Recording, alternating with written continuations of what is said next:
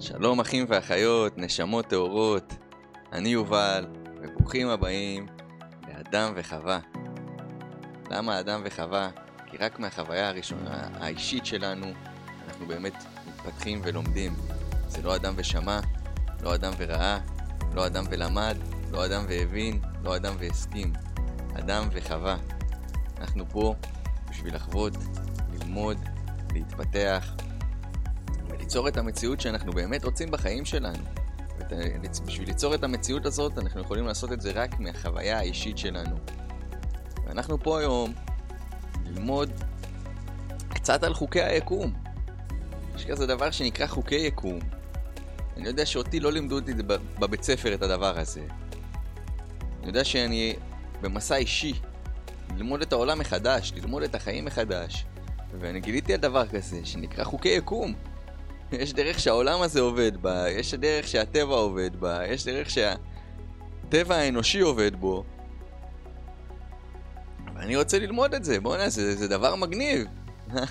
אם יש חוקים שעל פיהם העולם עובד, ואני לא יודע איך החוקים האלה עובדים, החוקים האלה עדיין עובדים על איך שהחיים שלי נראים. אני פשוט לא יודע להשתמש בהם, ואז הם משתמשים בי. אז מה עדיף? שיהיה לי את הכוח ואת האחריות לשנות, או שפשוט אני אהיה נסיבות החיים. אז אני החלטתי לצאת למסע של 90 יום, שב-90 יום האלה אני הולך לאתגר את עצמי כל יום מחדש, לשנות את החשיבה שלי, לשנות את האמונות שלי, וכל יום לעשות מנטרות מעצימות, להעצים את עצמי במטרה ליצור שלוש דברים, שאני, תוצאות שאני ממש רוצה בחיים, ולשנות את החיים שלי, ואולי גם לתת השראה לכם. להצטרף למסע הזה ולשנות את החיים שלכם. אז אנחנו נעבור פה על חוקי היקום, אז כתבתי לי פה כמה דברים היום, שהשתמשתי בספריית המדיטציות, זה האתר באינטרנט, אני מזמין אתכם כל דבר שאני אומר, לבדוק בעצמכם ותחפשו בגוגל ותעמיקו בעצמכם. מהחוויה שלכם, תלמדו, תראו מה נכון, מה לא נכון. יכול להיות שאני אגיד דברים שהם ממש נכונים, יכול להיות שאולי דברים פה לא נכונים, אני לא יודע. זה אדם וחווה, אתם צריכים להבין את זה בעצמכם.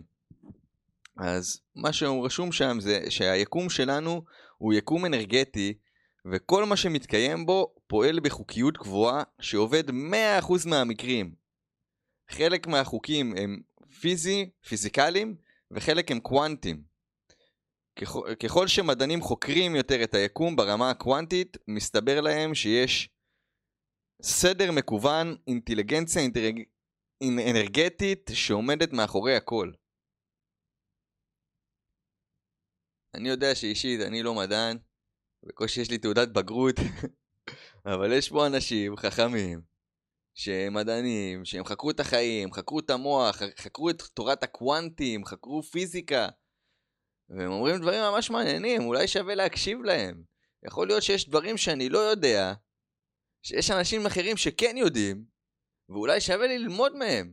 כי אם אני אלמד מהם, זה יועיל לחיים האישיים שלי.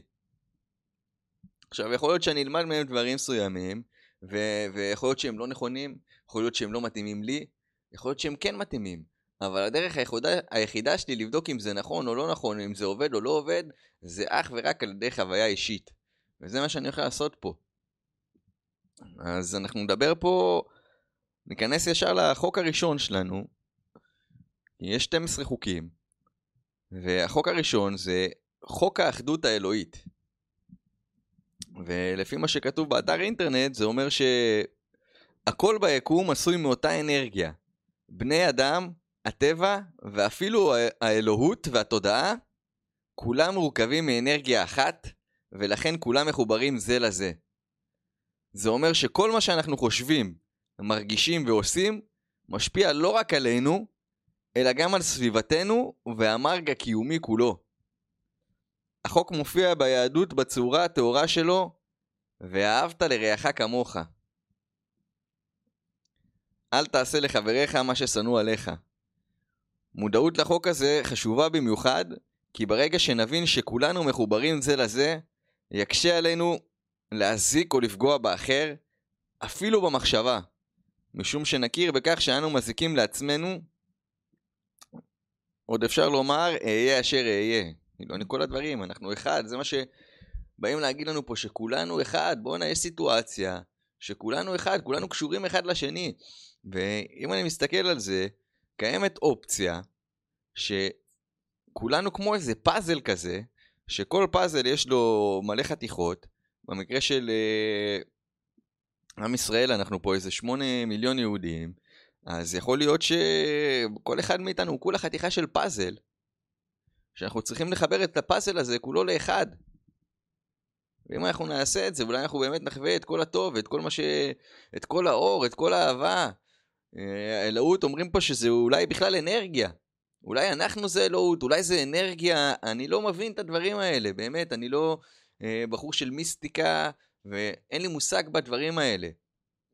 אבל יש פה חוק מסוים, שהחוק הזה הוא גם עובד באנגלית, והוא גם עובד בעברית, ואת החוק הזה, אה, הוא עובד בכל העולם, לפי מלא תורות ולפי מלא מחקרים של מלא אנשים חכמים, אז שווה לבדוק את הדבר הזה. כי אם באמת כולנו אחד, ולכולנו יש השפעה אחד על השני, אז אולי אנחנו צריכים ללמוד לעבוד אחד עם השני. עכשיו, הרבה פעמים אנחנו נראה, אבל רגע, הוא שונה ממני כי הוא נראה אחר ממני ויש לו דעה שונה משלי ואני רוצה ככה והוא רוצה ככה.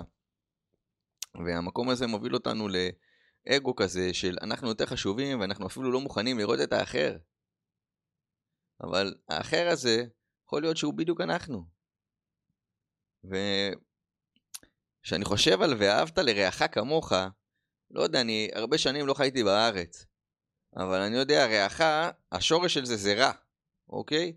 עכשיו, יכול להיות שזה לא הכוונה, יכול להיות שאני לא יודע, אבל רעך, ממה שאני מבין פה בסיטואציה הזאת, זה מי שרע לי איתו כביכול, מי שאני לא אוהב, מי שכאילו פחות אני מסתדר איתו. אם אני אוהב אותו, אז אני אוהב את כולם, ולי יהיה טוב, ולא יהיה טוב. כי זה עובד פה על אנרגיה של מה שאתה נותן אתה מקבל.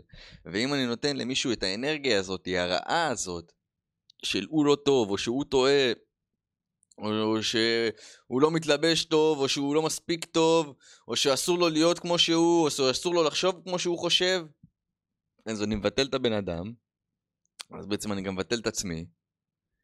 וכל הסיטואציה הזאתי, היא יוצרת רק כאוס. עכשיו, אני יודע שאנחנו בתקופה כזאת שקורה מלא דברים בארץ, בעולם, אני לא יודע, אתם, אנחנו לא מאוחדים כרגע, יש פה מלא בלאגן, ההוא חושב ככה, והוא חושב ככה, וזה חושב שצריך לעשות את זה, וזה שחושב שצריך לעשות את זה, ואף אחד לא מסכים עם אף אחד. אבל אם אנחנו הולכים פה על החוק הזה, ושוב, יכול להיות שאני טועה בחוק הזה, יכול להיות שאני לא מבין אותו בכלל, וזה כיוון אחר לגמרי. אבל אם פשוט אנחנו נאהב אחד את השני, כמו שהוא, אם נלמד לקבל, לקבל. בואנה, יש פה מישהו שבדיוק כמו כמוני, יש לו צרכים, גם הוא רוצה אהבה. בוא ניתן לו גם אהבה. בוא ניתן לו את כל הטוב הזה. אז החוק הזה לדעתי הוא מאוד חשוב, ויש פה עוד איזה סיטואציה ש... זה אני ראיתי אולי בשלושת המוסקטרים, אני למדתי כולם בשביל אחד, ואחד בשביל כולם. יכול להיות שזה אומר משהו, שאם כולנו נהיה בשביל מי שעומד מולנו, נהיה בשביל טובת הכלל, נהיה בשביל כולם, בשביל האחד הזה, האחד הגדול הזה, אז האחד הזה יהיה בשביל כולם. ולפי מה שחבריי הדתיים אומרים, הם אומרים שאלוהים זה הכל. אז אם הוא הכל, אז הוא הכל. הוא לא משהו ספציפי, הוא לא משהו שמגדירים אותו. איך אפשר להגדיר את הדבר הזה? איך אפשר להגיד שהדרך שלו היא רק הדרך הזאת או הדרך ההיא? הוא הכל. אז הוא בלתי נגמר, הוא הנראה והוא הבלתי נראה, הוא הנשמע והבלתי נשמע, הוא הכל. עכשיו שוב, יכול להיות שזה טעות, אני לא יודע. אני לא למדתי את התורה אף פעם בצורה מעמיקה, ואני לא יודע אם זה נכון או לא נכון. אנחנו פה באדם וחווה, ולא באדם והסכים, ולא באדם וטעה. אנחנו צריכים לחוות את הדברים האלה על בשרנו, אולי יש דברים מסוימים שאנחנו אמורים לחוות ביחד, זה גם יכול להיות דבר כזה, אבל אם זה נכון, אז אולי עלינו פה על משהו מעניין. אולי עלינו שיש לנו אחריות לכל אחד מאיתנו, גם על עצמנו וגם אחד על השני. זה המקום הזה, פשוט להזמין, אני מזמין אתכם באמת לנסות לתת אהבה לכל אחד ולהיות באהבה. אני יודע אישית שאני נמצא באהבה, אז אני תמיד מרגיש יותר טוב. ואם אני זכיתי לחלוק את האהבה שלי עם מישהו אחר, וואו, זה הדבר הכי מדהים בעולם. וגם לי יש אנשים שיש לי ערכים שונים מהם. זה לא אומר שהערכים שלי יותר טובים מהם, זה לא אומר שהערכים שלי פחות טובים מהם, אוקיי? יש בן אדם שמבחינתו לעשות סמים כל היום זה סבבה, ויש בן אדם שיראה את זה ויגיד בואנה זה לא מתאים. ויש בן אדם שמבחינתו להיות הומו זה סבבה, ויש בן אדם אחר שיגיד בואנה לי זה לא מתאים. אבל זה שהוא כזה, או זה שהוא אחר, או זה שהולך בדרך מסוימת, יש כזה שאוהב לראות טלוויזיה, יש כזה שלא אוהב לראות טלוויזיה. אנחנו כל כך שונים וכל כך דומים. אם אני אקבל אותו למרות שהוא עושה משהו, גם אם זה נכון וגם אם זה לא נכון, זה לא ענייני לשפוט אותו. אני לא פה בשביל לשפוט אף אחד, כי כשאני שופט מישהו, אז גם שופטים אותי. והשפיטה הזאת, זה, זה אף פעם לא דבר חיובי, זה אף פעם לא גרם לי יותר, להרגיש יותר טוב ששפטתי מישהו. ואני עכשיו פה במסע עם עצמי, לגלות מה גורם לי להרגיש טוב, ומה לא גורם לי להרגיש טוב? כי אני החלטתי שלי נמאס לו להרגיש טוב. בואנה, זה מבאס לו להרגיש טוב. זה מבאס ללכת עם הרגשה כזאת, עם תחושה כזאת שדברים לא עובדים, או שדברים צריכים להיות שונים ממה שהם, ולא לקבל את המצב, ולא לקבל את האחר, ולא לקבל את עצמי. בואנה, זה, זה, זה לא חיים ככה, זה לא צורה. לפחות לא עבורי. אז אני למדתי שאני רוצה לחיות רק באהבה. אני למדתי שאני רוצה לחיות בזה שאני רואה מישהו וכיף לי ל- ל- לקבל אותו ולראות אותו ולדבר איתו, וגם אם הוא שונה ממני, וואו, איזה כיף עכשיו שאני יכול לקבל עוד זווית ראייה. אני יכול לקבל עכשיו פרספקטיבה שונה ממה שאני בדרך כלל יש לי. איזה יופי. אם באמת יש דבר כזה שנקרא אלוהים או יצירה, בואנה, הוא יצר את כולנו. אז להגיד כאילו עכשיו, הוא לא טוב כי הוא לא הולך בדרך הזאתי, זה להגיד כאילו אז שהיוצר של כל הדבר הזה עשה עבודה לא טובה. ואני יודע יותר טוב ממנו. עכשיו, אני לא יודע שוב, גם אם יש אלוהים, ואם אלוהים זה אנרגיה, אם אלוהים זה הכל, אם אלוהים זה אנחנו, אם זה לא אנחנו, אני לא יודע. אני מנסה לחקור, אני מנסה להבין, אני באמת מתעניין בדבר הזה. אבל אם קיים דבר כזה, אז אני לא יכול להקטין אותו ולנסות להגדיר אותו בתור משהו. יש גם חוק כזה שיגיד לנו על חוק המגדר, אנחנו נגיע אליו בהמשך. אבל זה משהו ששווה לבדוק, ואני מזמין אותו, אתכם לבדוק את הדבר הזה, וכשאתם בודקים את הדבר הזה, אז חשוב להבין שלא כל דבר הוא קשור לדת, אוקיי? אם אומרים את המילה אלוהים, זה לא מחייב עכשיו שזה דת. יכול להיות שזה קשור לדת ויכול להיות שזה לא קשור לדת. כי הרבה פעמים אנחנו אומרים איזה מילה מסוימת וזה ישר יוצר אנטי אצל בן אדם. הוא לא מוכן אפילו לשמוע יותר כי אמרו איזה מילה אחת שהוא לא אוהב או שזה מדליק אצלו איזה טריגר מסוים, זה עושה לו איזה אנטיגוניזם כי אמרו איזה מילה אחת שיכול להיות שזה נובע מפחד. עכשיו בין אם אלוהים קיים ובין אם לא, אני יודע שתודעתית בכל העולם יש את השאלה הזאת לכל בן אדם, אם אלוהים קיים או אלוהים לא קיים, אז זה משהו שהוא חי בתודעה של כולנו. אז זה גם משהו שמעניין, בוא'נה שווה לבדוק את הדבר הזה, למה זה שכל בן אדם בעולם, ולי יצא לטייל בעולם, באמת, הייתי במדינות שונות, הייתי באסיה, והייתי בדרום אמריקה, והייתי במרכז אמריקה, והייתי באירופה, והייתי בישראל, ובכל המקומות שהייתי, וכל סוגי האנשים שפגשתי, היה את, העניין הזה. אז זה משהו שמעניין, שווה לבדוק את זה. ובואו נמשיך מפה לחוק הבא. ויש פה, לפני שנמשיך לחוק הבא, אה, אני אגיד איזה משפט של איינשטיין אמר, שכל מי שמעורב ברצינות בחקר מדעי, ישתכנע שיש רוח שמתגשמת בחוקי היקום. מעניין, מעניין, אני יודע שאיינשטיין יותר חכם ממני, אוקיי? הוא נחשב לבן אדם הכי חכם בהיסטוריה, בעולם. אני לא יודע, יכול להיות שיש אנשים שיגידו שיש יותר חכם ממנו, יכול להיות שהם צודקים, יכול להיות שלא, אבל בין אם כן ובין אם לא, הוא היה בן אדם מאוד חכם, אוקיי? אולי הוא היה חכם הדור, מלא המצאות. אחד האנשים החכמים בהיסטוריה, שווה להקשיב לו. בואנה, מה הבן אדם הזה אומר? מה הוא אומר? אני מנסה ללמוד מאנשים שעשו דבר או שתיים, בואנה, הם יודעים דברים, הם יודעים אולי סודות שאני לא יודע, בואנה, איזה מגניב זה שיש לי את היכולת ויש לי את ההזדמנות לבדוק היום וללמוד מאנשים שלא לא היה לי פעם גישה אלה, לאנשים כאלה, והיום יש לי את הגישה הזאת, ואז לבדוק לא רק מה הם אומרים, או מה אחרים אומרים לי איך צריך לחשוב, לבדוק עם זה עם עצמי. בואנה, לאיזה תובנה אני הגעתי, לאיזה מסקנה אני הגעתי. יכול להיות שהמסקנה הזאת נכונה, יכול להיות שהיא לא נכונה, יכול להיות שהמסקנה הזאת נכונה כרגע, ועוד רבע שעה היא לא תהיה נכונה, כי למדתי איזה משהו חדש. זה מאוד חשוב שיהיה לנו גמישות מחשבתית, ושלא נהיה תקועים על זה שאנחנו רואים משהו, ואנחנו חושבים שזה הדרך היחידה שזה קורה, וזה הדרך היחידה שזה עובד, וזאת האמת היחידה. יכול להיות שכן, יכול להיות שלא. אנחנו פה בשביל לבדוק. אני פה בשביל לבדוק, ואני מזמין אתכם לבדוק. ובואו נעבור לחוק הבא, שהוא נקרא חוק הרטט. והוא אומר דבר כזה, החוק הזה קובע שאין דבר ביקום שהוא סטטי. כל מה שקיים, בין אם הוא נראה או בלתי נראה, מורכב מאנרגיה עם דפוס רטט ייחודי משלו, והכל רוטט בלי הפסקה. המשמעות היא שאנחנו חיים בתוך אוקיינוס של תנועה מתמדת, לכל חומר, צליל, מחשבה או רגש, יש תדר ייחודי משלו, והתדרים האלה מתארגנים על פי חוק המשיכה, כך שכל תדר ימשוך תדרים הדומים לו. כדי שנוכל לרתום את החוק הזה, יודע על מה כתבתי, מבין את הכתב שלי. לטובתנו, עלינו להתפקס ככל אה, הניתן אה, בתנודות הרגשיות. או במילים אחרות, ליצור פוקוס רגשי חיובי סביב מה שאנחנו רוצים.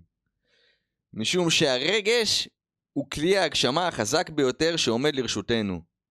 כדי שנוכל לרטוט בתדר שימשוך אלינו את מה שאנחנו רוצים, עלינו לשהות במקום שמרגיש כבר עכשיו את התחושה שתהיה לנו כשנקבל את מה שאנחנו רוצים. אחרי שהצלחנו להרגיש זאת, חשוב לטפח את המצב הרגשי הזה, ולשהות בו לעיתים קרובות ככל הניתן. זה אומר לשבת מדי יום ולדמיין את התחושה, ולעשות דברים וללכת למקומות שיחדדו את התחושה הזו, ולבנות אותה, כך שתתעצם עד שלא תהיה לה ברירה להתגשם. שום דבר הוא לא סטטי פה, תמיד יש תנועה. תקשיבו לצלילים, תקשיבו למוזיקה, הצליל כל הזמן הוא משתנה. יצא לי לעשות מד... סדנה של מדיטציה של ויפאסנה, ולמדתי שם על אטומים בגוף, אני לא ידעתי ש... שיש לי אטומים בגוף, בוא'נה, אני לא ידעתי את הדבר הזה. ואז אני גיליתי שיש לי אטומים בגוף, ולא רק שיש לי אטומים בגוף, יש לי טריליונים של, מיל... של uh, אטומים בגוף, והאטומים האלה ממש, uh, מהמדיטציות שעשיתי שם, כל הגוף התחדד לי והרגשתי מלא תחושות בכל הגוף, בכל הגוף, תחושות, תחושות, תחושות, תחושות, תחושות, תחושות, תחושות, וזה כל הזמן השתנה. זה כל הזמן התחלף. התאים בגוף שלנו והאטומים בגוף שלנו מתחלפים בכל שנייה. הם נוצרים חד... חדשים, אוקיי? האטום שהיה לפני שנייה מת ונוצר חדש, מת ונהיה חדש, מת ונהיה חדש, ככה, ככה הגוף עובד. שזה דבר מדהים, כי אז אנחנו יכולים להבריא מדברים דרך השינוי מחשבה שלנו. כי המחשבה שלנו והרגש, כי מחשבה מולידה רגש, והרגש זה הדבר הכי חזק שיש אצלנו, אנחנו מרגישים משהו. שבן אדם לא מרגיש טוב, אז נכון שהוא חושב על זה, אבל הוא מרגיש את זה. הוא מרגיש את זה שהוא לא טוב לו, הוא מרגיש את זה שהוא בודד, הוא מרגיש את זה שהוא לא ראוי, שלא טוב לו מספיק. ויכול להיות שזה בכלל אשליה, אבל זה סיפור שהוא ממשיך לספר לו, ואז הוא מרגיש את זה. הוא מרגיש את הדבר הזה. אז הדבר הטוב פה זה באמת שכל דבר הוא נע. כל רגש וכל מחשבה היא באה וחולפת. אף פעם לא הייתה לי מחשבה שנשארה לי בתודעה 24 שעות ברצף. יכול להיות שהיה לי מחשבה שהיא חזרה, אוקיי? אני חשבתי על משהו מסוים, ואז עוד פעם חשבתי עליו. ואחרי זה במהלך הים עוד פעם חשבתי עליו. או שהייתי בלופ מסוים שממש ניפחתי לי את הראש, ואכלתי סרטים על הדבר הזה. אבל כל מחשבה זזה, כל רגש זז, מתחלף. זה דבר מדהים, בואנה, איזה כיף לדעת שכל דבר משתנה. שום דבר לא נשאר אותו דבר. זה מדהים, יש לנו כוח, יש לנו כוח עוצמתי לשנות דברים. איזה כיף זה ללמוד על החוקים האלה. בואנה, אני מתרגש מזה. בואו נמשיך הלאה. תראו פה גם איך מדברים על חוק המשיכה. אנחנו כבר עשינו פרק על זה ואנחנו ניגע בזה עוד בקטנה, אבל חוק המשיכה, אנחנו מושכים כל הזמן עלינו דברים, אנחנו מושכים על ידי המחשבות והרגש שלנו. מחשבה, רגש, מציאות, מחשבה, רגש, מציאות, מחשבה, פעולה, מילה, רגש, מציאות. מדהים, בואנה, יש לנו המון כוחות שלא למדנו עליהם. בוא נלמד על הדברים האלה, בוא תלמד את הכוח שיש בך, תלמדי את הכוח שיש לך. אנחנו הרבה יותר גדולים, עם הרבה יותר כוחות ממה שחשבנו שיש לנו. איזה כיף זה לגלות דבר כזה, וואו. עכשיו יש פה את חוק הפעולה. החוק הזה קובע שאם אנו רוצים להגשים את חלומותינו, עלינו לנוע לעברם באמצעות פעולות. כלומר, נדרשת פעולה מצדנו שתתמוך במחשבות, ברגשות ובמילים שלנו בדרך להגשמת חלומותינו. חשיבה חיובית, דמיון ומדיטציה חשובים מאוד לתהליך, משום, ש... משום שהכל מתחיל במחשבה. אך אם לא תתלווה אליהם שום פעולה, הרי שהם יישארו בחזקת דמיונות. פעולה ממוקדת שמלווה בכוונה חיובית היא זו שתביא את החלומות שלנו לכלל הגשמה. במילים אחרות, לשבת ולחלום זה לא מספיק. חלום שלא מעורר בכם תשוקה הוא חלום ששווה לשקול מחדש או לבחון מדוע אינכם פועלים להגשימו ואילו חסמים עומדים בבסיסו. ייתכן שחלק מהפעולות בהם תנקטו לא ישיגו את התוצאות שביקשתם. אך אם תתחילו לנוע לעבר חלומכם עם כוונה, ועוד, עוד ועוד דלתות ייפתחו בפניכם.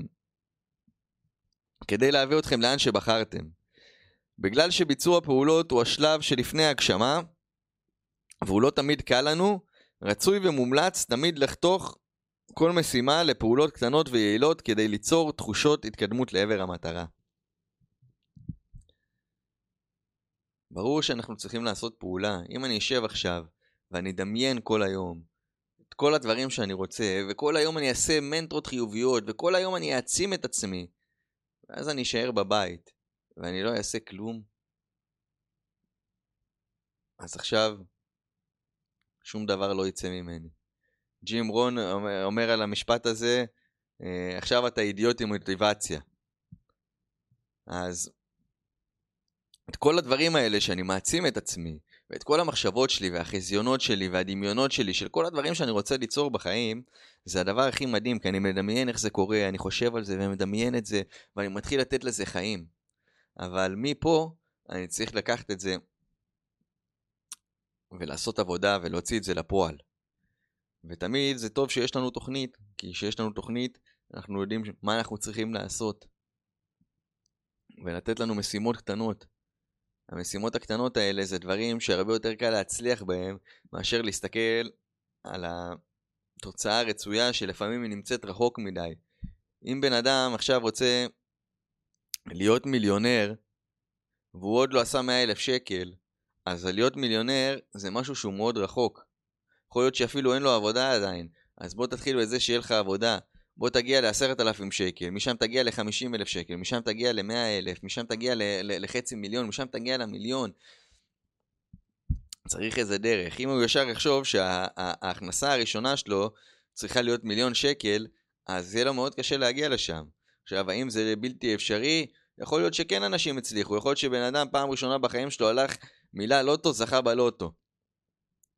יכול להיות. אבל בדרך כלל יותר נוח לנו שאנחנו מציבים לעצמנו איזה מטרות, ואז אנחנו נותנים לנו גם איזה דרך. אוקיי? אם אני רוצה עכשיו לה, להכיר חברים, או להכיר בחורה, שזה חלק מהמטרות שלי להיות בזוגיות, איזה פעולות אני יכול לעשות שיכולות לקדם אותי לעבר המטרה הזאת, אוקיי? יכול להיות שזה להירשם לאתר היכרויות, זה אמנם לא הדרך שלי, אבל יכול להיות שבשביל מישהו אחר זה משהו שכן עובד וזה הדבר הכי מדהים ומתאים בשבילו. אז יכול להיות שלשים את עצמו שמה, יכול להיות שזה לבקש מחברים שאולי יכירו לך איזה בחורה טובה, ויכול להיות שאתה רואה איזה מישהי שמעניין אותך ואתה פתאום יכול ללכת ולפנות ולדבר אליה. יכול להיות שאתה רוצה להכיר חברים ואז אתה הולך לסדנאות, או יכול להיות שאתה הולך לבית כנסת, או יכול להיות שאתה הולך לחוגים, יכול להיות שאתה מכיר בעבודה, יכול להיות שאתה עושה כל מיני דברים שאולי פעם לא עשית אותם, ועכשיו אתה פותח את עצמך לעשות את הדברים האלה ולוקח פעולות ומקדם את עצמך לעבר המטרה. אז תמיד יש משפט כזה שאומר action speak louder than word. שמעשים מדברים יותר חזק ממילים, והיקום מריע למעשים. אז בואו נראה מה אנחנו רוצים לעשות, מה אנחנו רוצים ליצור, ואז פשוט ללכת ולעשות אותו. נייק אומרים על זה, just do it, פשוט תעשו את זה, בלי לחשוב יותר מדי. לפעמים כשאנחנו חושבים יותר מדי, אז אנחנו מונעים מעצמנו לעשות את זה, כי אז אנחנו מקשיבים לפחד שלנו. החוק הבא זה חוק סיבה ותוצאה.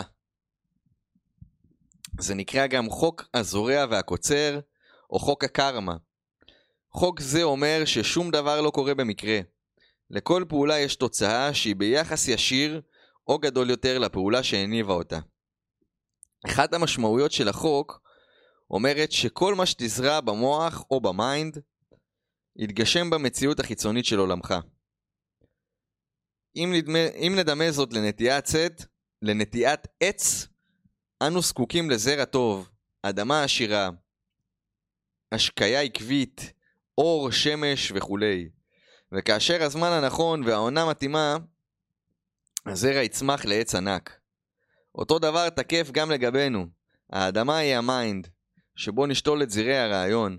הזרעים הם המחשבות, המים הם הפעולות, והשמש היא הרגשות שלנו. כל רעיון שנשתול במוחנו, נרגיש שהוא כבר שלנו, ונעבוד בסבלנות ובנחישות להגשימו. חייב להתגשם למעשה, אין לו ברירה אחרת שזהו חוק יקומי. אתה מבין? חוק זה חוק, צריך להבין את זה. אי ידיעת החוק אינה פוטרת אותנו מהחוק. אז יש פה חוקים מסוימים, שהטבע עובד לפיהם. וואו, בוא נשקיע בדבר הזה, בוא נשקיע בעצמך, תיקח את הזמן, אולי במקום להיות בטלפון, שחק בטלפון, או במקום, במקום לראות נטפליקס, קח את השעה ביום, חצי שעה ביום, ותראה איך אתה בוחר להשקיע בעצמך, איך את בוחרת להשקיע בעצמך וליצור את הדברים שאת רוצה בחיים שלך, לפתח את עצמך, להתפתח. התפתחות היא דבר טבעי, אנחנו לא סטטים, אנחנו כל הזמן אמורים להתפתח. זה אחד הדברים שאני מבין מזה לפחות. למעשה אין לנו ברירה אחרת, שזהו חוק יקומי, אז איך שרובנו לא מקבלים את, ש... את מה שאנחנו רוצים, זה פשוט כי רוב חיינו אנחנו מאומנים להתפקס ולחשוב בעיקר על מה שאיננו רוצים. האנרגיה תמיד זורמת לאן שתשומת הלב שלנו הולכת. כלומר, כל מה שאנחנו מתמקדים בו מתרחב. זה קורה משום שהכל ביקום הוא אנרגיה וכל אנרגיה מושכת אנרגיה דומה לה. זה כאילו לחבר מלא נקודות שהכל מתקשר אחד לשני והכל מאוד הגיוני. בואנה, זה אומר, ממה שאני מבין פה, שכל החיים שלי, כל דבר בחיים שלי, אם זה הבריאות שלי, ואם זה התוצאות שאני מקבל בחיים, הכל קשור למחשבות שלי, למה שאני מדמיין, למה שאני מרגיש, ולפעולות שאני עושה. בואנה, יש פה משהו ששווה לבדוק אותו וללמוד לעבוד איתו. אם זה באמת נכון, אז קודם כל הכוח אצלי. אז היום אני כבר לא יותר קורבן, אני לא יכול להגיד יותר, הוא עשה לי והוא שתה לי וזה בגללו וזה בגללה, ואם היה לי אחרת, ואם הייתי נולד עם יותר כסף, או אם הייתי נולד למשפחה הנכונה, זה כבר לא תירוץ. אני יכול להמשיך לתרץ את זה, כן? אבל אם אני אתרץ את זה, האם זה יקדם אותי לעבר המטרה שלי? האם זה ייתן לי את התוצאות שאני רוצה לקבל בחיים? האם זה יגרום לי להרגיש יותר טוב? כנראה שלא. עכשיו, אני מזמין אתכם לבדוק את זה מהחיים האישיים שלכם.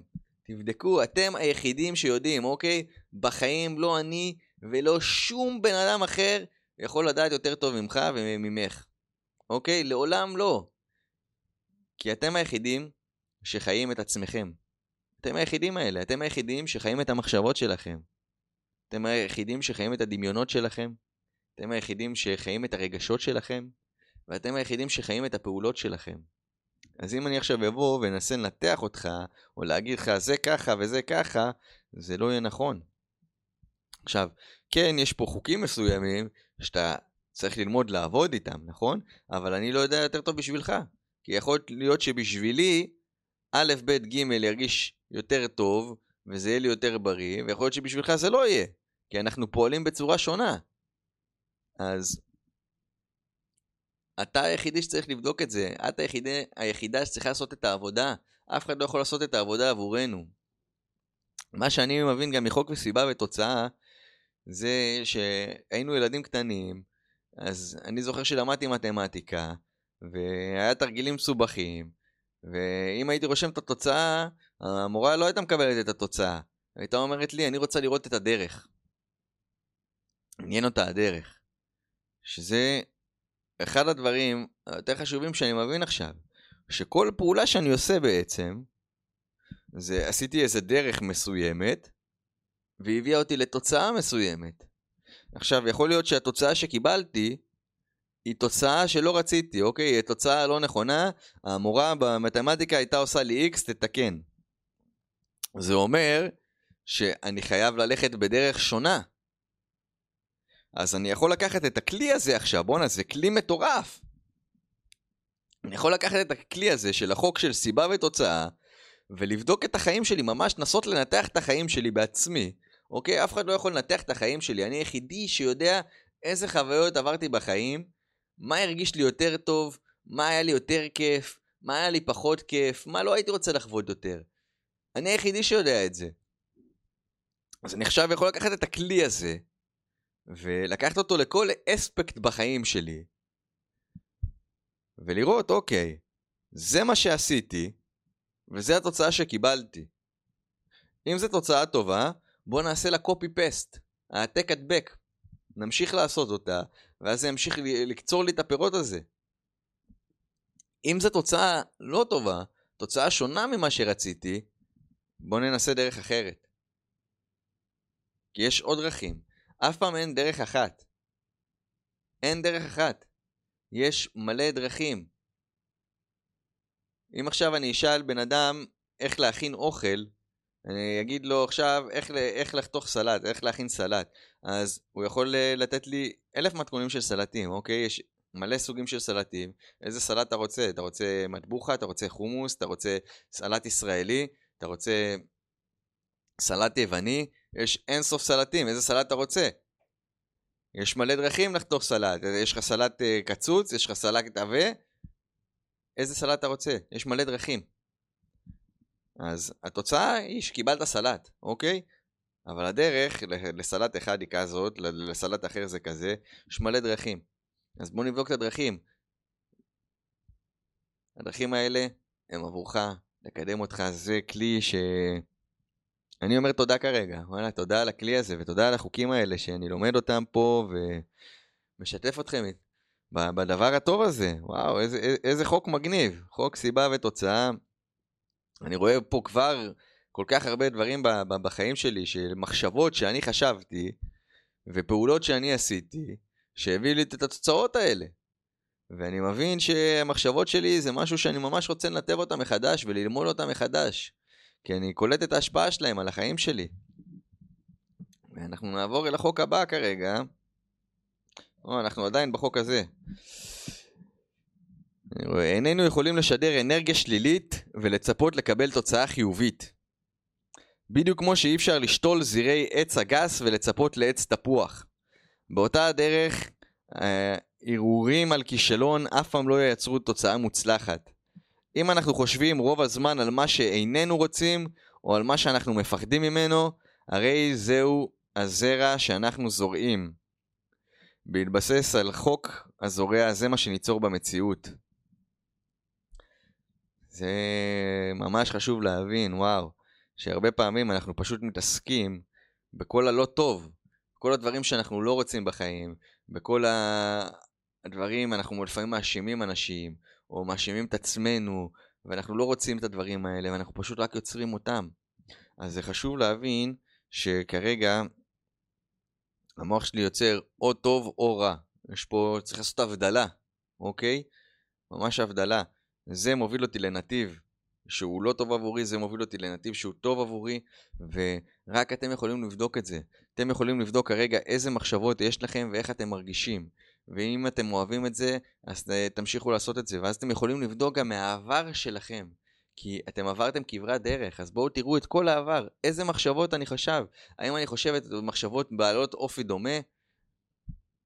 אם כן, יכול להיות שכל הפתרון לכל הצרות שלנו בחיים, לכל האתגרים שלנו בחיים, זה בסך הכל לשנות מחשבה, זה לשנות את האנרגיה שלנו, לשנות את התדרים שלנו, לשנות את התודעה שלנו. זה יכול להיות הרבה יותר קל ממה שאי פעם דמיינתי, ממה שאתם דמיינתם. עכשיו, זה לא אומר שזו עבודה קלה לקחת אה, מחשבות ואמונות שעשינו כל החיים אספנו, ופתאום לשנות אותם ביום אחד. אבל הקונספט של זה הרבה יותר קל מאשר שאני צריך ללכת עכשיו לטיפולים לכל החיים שלי, וללכת לבכות על כל מה שקרה לי בחיים, וזה אולי מה שיטפל לי בבעיה. יש לי פשוט יכולת פה לבחור, לשנות את השפה שלי, לשנות את פה את הקונספט שלי. על זה נאמר גם לשון הרע או תואר המילה, כי לשון הרע זה פשוט יוצר לי עוד רע, ולשון הטוב יוצר לי עוד מהטוב. זה ממש הגיוני לי עכשיו. אבל שוב, יכול להיות שזה בכלל לא נכון. אז אני לא יודע, אני מזמין אתכם לבדוק את זה בעצמכם. ועכשיו יש לנו פה חוק ההתכתבות, או חוק המתאם, שזה נקרא קצת עולם פנימי, עולם חיצוני. החוק הזה אומר שקיים מתאם מושלם בין חלקי הבריאה השונים, כפי שבעליונם, כך בתחתונם, וכפי שבפנים משתקף בחוץ. העולם החיצוני שלנו הוא רק השתקפות או הכתבה של המחשבות, הרגשות והאמונות שלנו. במילים אחרות, כל מה שיש בחיינו, החברים, העבודה, המצב הכלכלי והבריאות שלנו, כולם נגזרים מעולמנו הפנימי. המציאות החיצונית היא מראה של מה שקורה בתוכנו, ואנו יכולים לנסות לשנות אותה. אך אם לא נשנה את עצמנו, היא תמשיך לשקף את מה שאיננו רוצים. אם ברצוננו לשנות את העולם, עלינו להתבונן תחילה פנימה ולשנות את תבניות המחשבה, האמונות והדפוסים שלנו, ורק אז נוכל לחזות שינוי בעולם החיצוני.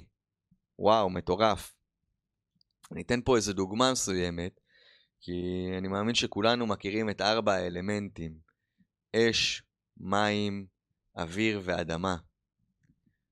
אז בואו נבדוק, בוא'נה, אומרים פה עולם פנימי, עולם חיצוני, האם זה קיים אצלי בפנים? אז הגוף זה האדמה שלי. ומים זה הדם שזורם לי בגוף. אוויר זה הנשימה שלי. ואש זה החיות שלי, זה החיים שלי. אז אפילו ארבע אלמנטים נמצאים אצלי בגוף בעולם הפנימי שלי. ואחרי זה הם קיימים גם בעולם החיצוני. בואנה, כל דבר נמצא אצלי בפנים. זה אומר שהפתרון לכל דבר בחיים נמצא אצלי! וואו! איזה טירוף! יש לי עכשיו את המפתח, זה תיבת פנדורה, ויש לי את המפתח להיכנס פנימה ולשנות כל דבר שאני רוצה בחיים שלי אצלי. איזה כיף לדעת שזה לא אצל מישהו אחר! וואו!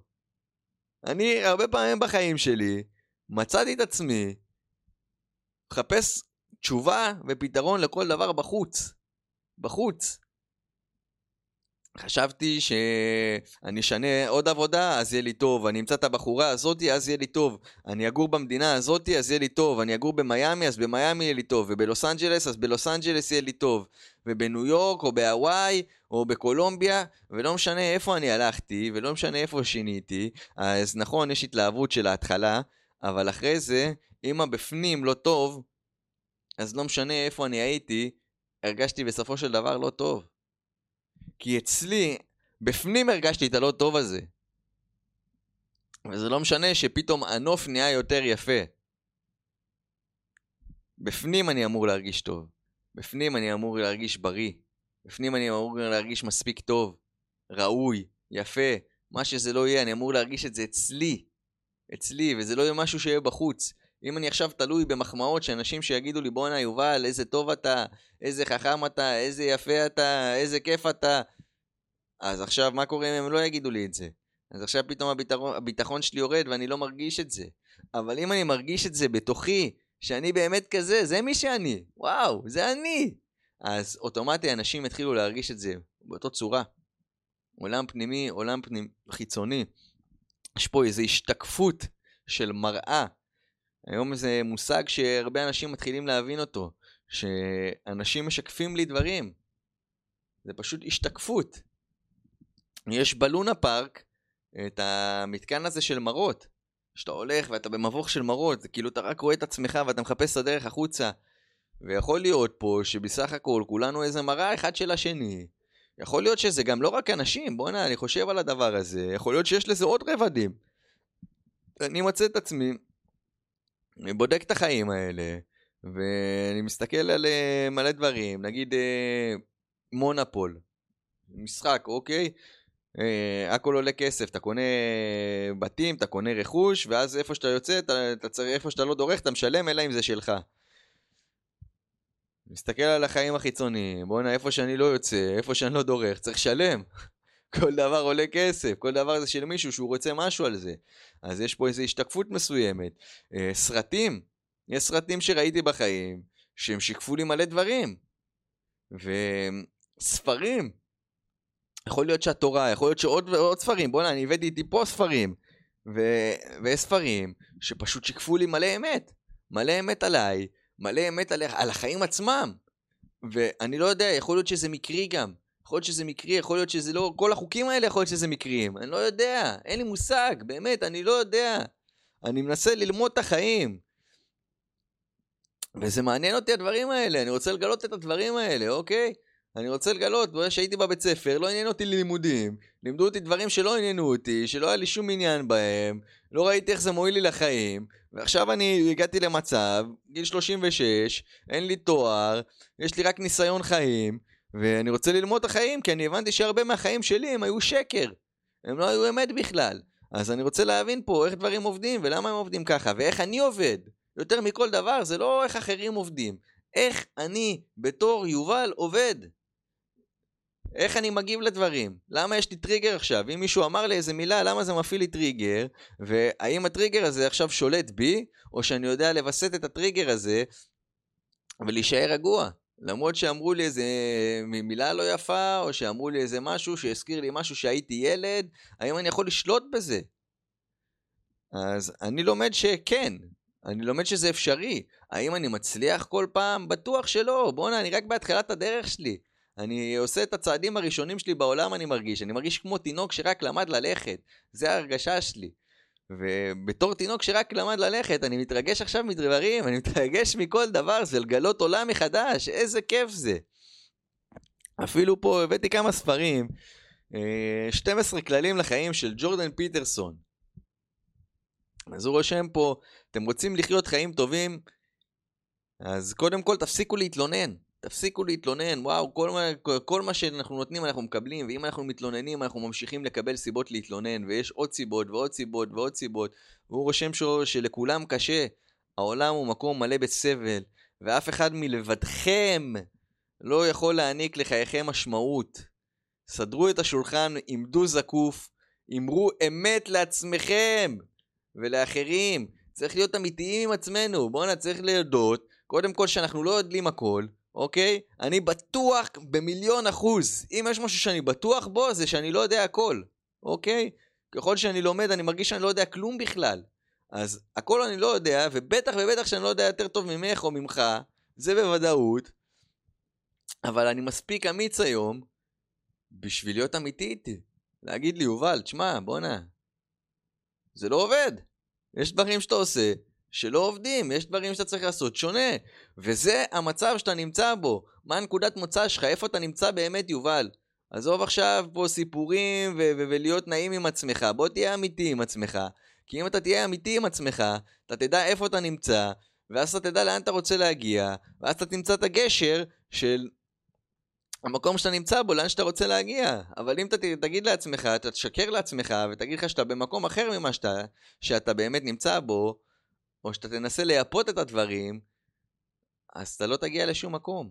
ומי שיסבול מזה, זה רק אתה. ואני יודע שזה לא נעים לסבול, זה לא נעים. אז עם כל הכאב, אני יודע, זה דורש להתעמת עם הפחדים שלנו ועם הכאב שלנו, ולהסתכל על הסיטואציה ולהגיד, וואו, לא הצלחתי. יש דברים שלא הצלחתי, אוקיי? אה, רושם פה, והתחילו לפעול ולחיות כגיבורים שנולדתם להיות, זה רק בידיים שלכם.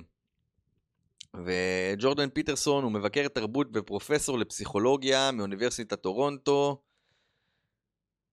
אה, הוא העלה על זה סרטון הכולל אה, ביקורת רהוטה ומנומקת על חוק שהכפיף את חופש הדיבור לתיאוריית מגדר פרוגרסיביות. העניין שעורר הפך אותו למבקר חריף ורהוט של הפוסט-מודרניזם ולאחד מהוגי הדעות הידועים והמדוברים ביותר בעולם. אז זה ספר שתורגם למעל 30 שפות, שווה לבדוק את הדבר הזה. אני יודע עוד משהו בחוק המרה, אני רואה, למדתי מכל המשחקים ש, שכל הזמן יש לנצח ולהפסיד. זה כל הזמן מראה לי את המלחמה הזאת, שאני נמצא בה עם אחרים, או שאחרים נמצאים בה עם אחרים, שכל הזמן מישהו חייב לנצח, וכל הזמן אם מישהו ניצח אז גם מישהו הפסיד. ולהפסיד אני אף פעם לא אהבתי, היום אין לי בעיה להפסיד, אבל אני לא אהבתי להפסיד, וכשניצחתי אז עלה לי האגו, כי אני יותר טוב ממישהו, אז כל שנייה אני מנסה להיות יותר טוב ממישהו, ואם הצלחתי, אם ניצחתי זה אומר שהצלחתי, זה אומר שאני טוב, זה אומר שאני ראוי, זה אומר... האם זה באמת אומר את הדברים האלה? אני לא יודע, יכול להיות שבכלל לא. יכול להיות שזה סתם משהו שמעלה לי את האגו וגורם למישהו אחר להרגיש לא טוב, ושהוא לא מספיק ושהוא לא ראוי. וכל זה אולי זה משחק מחשב משקף לי את זה בכלל עכשיו. שכל הזמן אני בתחרות עם מישהו, כל הזמן אני בתחרות. אני לא רוצה להיות לא בתחרות איתך ולא בתחרות איתך ולא בתחרות עם אף אחד. אני רוצה להיות רק באהבה, אוקיי? בן אדם עומד מולי, אני רוצה לתת לו חיבוק. אני רוצה להיות טוב לבן אדם שעומד מולי, אני לא רוצה לנצח אותך בשום דבר, לא רוצה לקחת ממך שום דבר, אני רוצה להיות הבן אדם ש, ש, שנותן, אוקיי? אני נותן. ואם אני נותן, אני יודע שאני אקבל תמורה בחזרה. עכשיו, זה משהו שאני בודק, אוקיי? יכול להיות שזה לא עובד, זה לא שיטה ככה. אם אני מסתכל על החיים שלי, אני מגלה שזה כן עבד לי ככה. ש... שעשיתי טוב, אני קיבלתי טוב, שעשיתי לא טוב, אני קיבלתי לא טוב. זה מהחיים האישיים שלי, שאני באמת מסתכל עליהם ממקום אמיתי, ואני רואה את הכל, אז אני תמיד קיבלתי את מה שאני עשיתי. תמיד קיבלתי. זה, זה הראה לי שאני הייתי טוב לאנשים, אנשים היו טובים אליי, שהייתי רע לאנשים, אנשים היו רעים אליי, שניצלתי אנשים, אנשים ניצלו אותי. כל מה שעשיתי, בסופו של דבר אני קיבלתי בחזרה. אז זה סוג של מראה. אז תנסו לבדוק, באמת, תנסה לבדוק, אם זה נכון, וואו, זה משנה תודעה, זה משנה חיים אולי הדבר הזה. תבדוק עם עצמך, אם יש דברים שאתה עשית ועשו לך את אותו דבר. כי אם אתה עשית משהו ואם את עשית משהו ועשו לך את אותו דבר, זה אומר שהחוק הזה עובד, אוקיי? זה, זה, זה, זה הדרך לבדוק, אוקיי? כי עכשיו אני יכול לספר פה סיפורים, וכל המד... המדענים האלה והמורים האלה וה... ואנשי החוכמה האלה יכולים לספר את מה שהם רוצים. אני מאמין ששום דבר לא מעניין חוץ מחוויה אישית. אדם וחווה, לא אדם והסכים, לא אדם והבין, ולא אדם ולמד. מה אתם חוויתם בחיים שלכם? גם אם אתה בן 15, יש לך 15 שנות ניסיון של חיים. ב-15 שנים האלה אתה חווית כל כך הרבה דברים. אם אתה בן 90, אז אתה חווית 90 שנים. ו-30 ו-40, וכל גיל אנחנו חווינו כל כך הרבה דברים. אז בוא נבדוק איפה זה תופס אותנו. יכול להיות שאת כל מה שחוויתי בחיים אני נתתי אותו קודם. יכול להיות. יכול להיות, יש את האופציה הזאת, יכול להיות שגם לא. והמחלה, יכול להיות שהיא נוצרה מזה, מהשליליות שלי, מטינה, משנאה ששמרתי, יכול להיות שזה עשה לי דברים לא טובים בגוף, יכול להיות, גם יכול להיות שלא, יכול להיות שלא, שוב, אני לא רופא, אני מעלה פה איזה תיאוריה מסוימת, שיכול להיות שהיא נכונה ויכול להיות שהיא לא נכונה, ואני מזמין אתכם לבדוק את זה. אני מבין פה היום שאפשר לרפות את הדברים האלה, הנה פה ריפוי קוונטי, חקר הגבולות ברפואת גוף ונפש של דיפק צ'ופרה, והוא רושם פה שבמסגרת עבודתי נתקלתי בכמה חולי סרטן שנרפאו לגמרי לאחר שכבר הוגדרו כחשוכי מרפא. ונקבע שנותרו להם חדשים ספורים לחיות.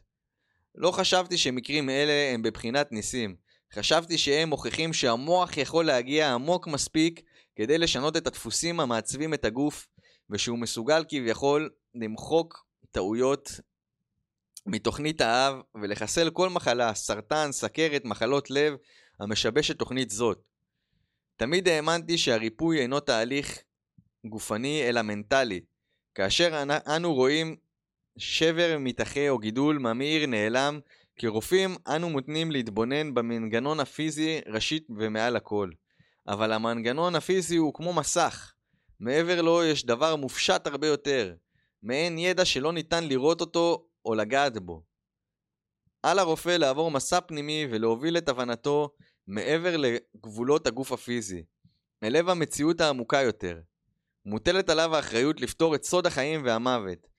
לחוכמה הוודית העתיקה שדילגה מעבר לחלל הזמן והמרחב יש מסר פשוט ועמוק. בתוכנית מושלמת של טבע, דבר לעולם אינו מת, בן האדם נצחי ככוכב, ושניהם מוארים בניצוץ האמת. דוקטור דיפק צ'ופרה. מעניין, מעניין הדברים האלה, כל כך מעניין. הנה, יש לו פה הדרך לבריאות מושלמת. וגם פה הוא מדבר שכל הדברים האלה, מגוון של מחלות ומצבים חולניים שאינם רובד רח... רוחב, יודע עברית, שאינם רובד רחב למדי בעולם, בעיקר בתרבות המערב. הוא אומר שהמחלות אינם מצב בלתי טבעי, שכן מצבם הטבעי של הגוף והנפש מזוהה עם בריאות מלאה ללא חולי. הסוד לשימור הבריאות וללוחמה במחלות השונות חייב אף הוא להיות במישור הטבעי, ללא עזרות באמצעות מלאכותיים. הוא אומר שיש לנו את הכוח לריפוי לכל דבר, משיטות עתיקות ימין, שפעם לא היה רפואה בכלל, גם כאילו, זה הכל בא מהטבע, הכל בא ממצב טבעי, זה טבע האדם. לפעמים אנחנו, יש לנו חטח בגוף ואז זה לבד מתאחה. עכשיו, זה הדברים שהם מספרים, ואני לא אומר עכשיו לשום בן אדם להפסיק טיפול כזה או אחר, כי אני לא רופא, ואני גם לא מבין בתורת הקוונטים הזה מספיק בשביל לתת לכם את העצות הנכונות ולהגיד לכם בדיוק איך לשנות דברים, אני לא שמה. אבל אני לומד את הדברים עכשיו, אני לומד את העולם מחדש, ויש פה גם ספר שלו של הצלחה בשבעה חוקים רוחניים של דיפק צ'ופרה, וזה ספר שמבוסס על חוקי טבע שעל פיהם מתנהלת הבריאה כולה. הספר מנתח את המיתוס הגורס כי ההצלחה אינו תוצאה של עבודה קשה, תוכנית, תוכניות מדויקות או שאפתנות בלתי נדלית. בהצלחה בשבעה חוקים רוחניים מציע דיפק צ'ופרה נקודת מבט מהפכנית להשגת הצלחה, כך ינבו אל חיינו בקלות ולא למאמץ, תחושת רווחה, בריאות טובה, מערכות יחסים מספקות והתלהבות לחיים. מרגע שנבין את טבענו האמיתי ונלמד לחיות בהרמוניה עם חוקי הטבע. מדהים. הספר הזה הוא מלא בחוכמה עתיקת ימין, ובו צעדים מעשיים שתוכלו ליישם מיד ולהיעזר בהם שוב ושוב. מדהים. ו... רושם פה גם שאתם עתידים להוקיר ספר זה כל חייכם, מפני שדפיו טמונים בחובם את הסוד להגשמה כל חלומותיכם. בהצלחה בשבעת חוקים רוחניים מזקק דיפק צ'וברה את עיקרי תורתו לשבעה עקרונות פשוטים, ועם זאת רבי עוצמה, שניתן ליישם בקלות ליצירת הצלחה בכל תחומי חייכם. הצלחה בשבעת חוקים רוחניים הוא ערכת כלים של מציאות מדומה לתייר הרוחני של המאה ה-21. ומי שאומר את זה זה פיטר גובר, שהוא יושב ראש ומנכ"ל סרטי סוני. מה, אנשים מצליחים. אני לא יודע, אני לא כזה מצליח. אוקיי, הם אנשים מצליחים, הם אומרים דברים כאלה, אני מעניין אותי להקשיב להם. מבין כל ספריו של דיפק צ'ופרה, ההצלחה בשבעת חוקים רוחניים מעניק את התוכנית המעמיקה ביותר לניהול חיים ברמה הגבוהה והמורכבת ביותר, ספר נפלא. טוני רובינס, טוני רובינס, המנטור הגדול והדגול. שבעת החוקים הרוחניים להצלחה מהווים עקרונות מנחים נפלאים לכל מי שרוצה ליצור לעצמו חיים יצרניים ומספקים או ארגון אנושי.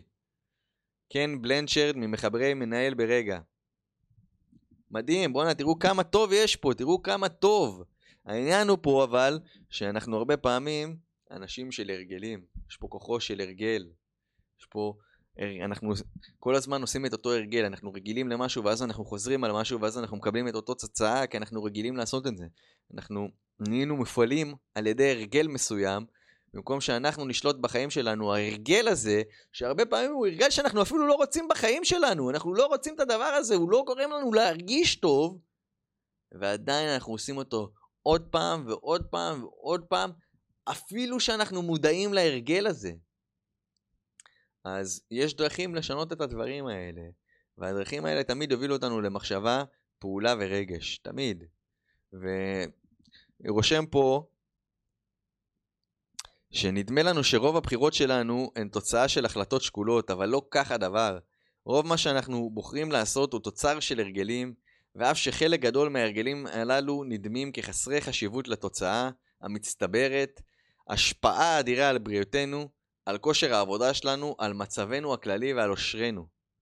במשך מאות שנים ניסו אנשים לרדת לחקר ההרגלים שלנו, אבל רק בשני העשרים האחרונים החלו נורולוגים, פסיכולוגים, סוציולוגים ואנשי שיווק להבין, להבין איך עובדים הרגלים, וביתר חשיבות כיצד הם משתנים.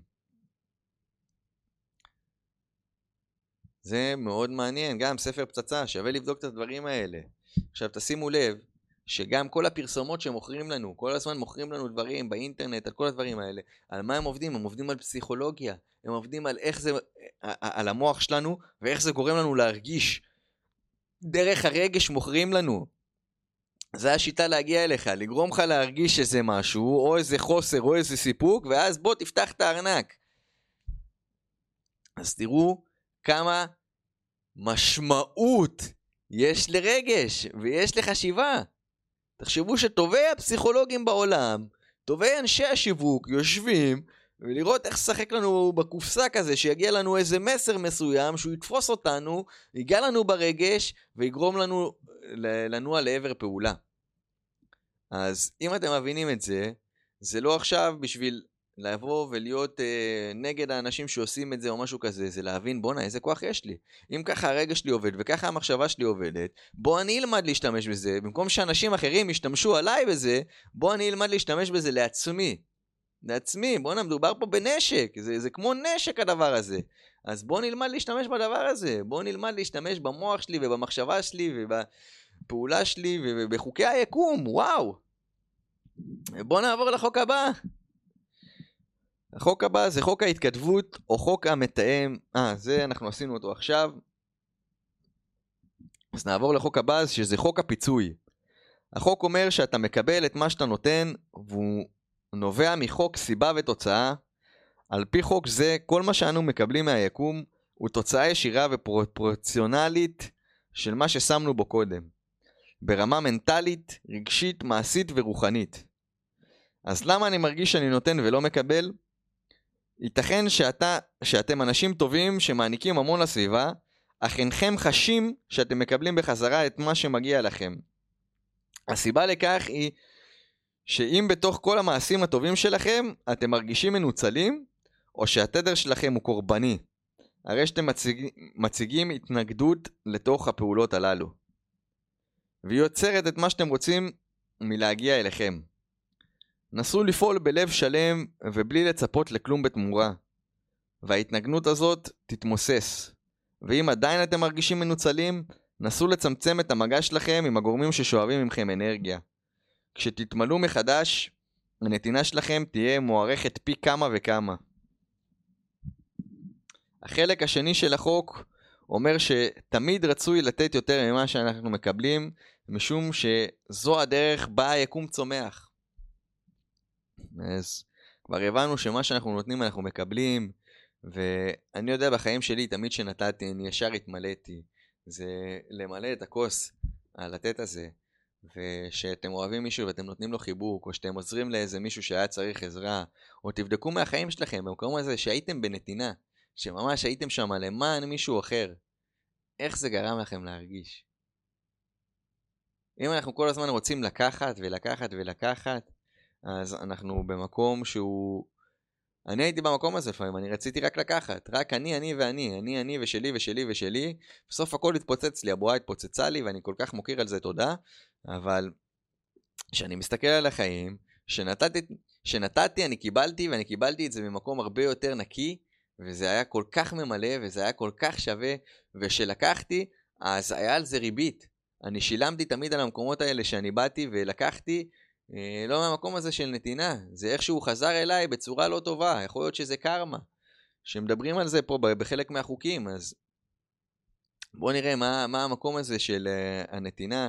היקום מפצה אותנו, אנחנו לא צריכים ש, uh, להתקשר לוולט שיפצו אותנו כי הם הביאו עגבניה לא, לא טובה, היקום יפצה אותנו ברגע שאנחנו נעשה מעשים טובים ונהיה בתדר הנקי הזה, בתדר הנקי שאני נתתי כי זה מי שאני. אני בן אדם של נתינה, אני בן אדם של לתת ושל לאהוב ושל לעשות טוב, להפיץ את הטוב. ואם בן אדם לא יחזיר לי את זה, אז זה עניין שלו. יכול להיות שהוא לא שם עדיין, ויכול להיות שיבוא ו- וכל הטוב הזה יחזור לי ממישהו אחר, זה לא חייב לחזור מאותו בן אדם. וזה לא חייב לחזור באותו צורה שאני נתתי גם.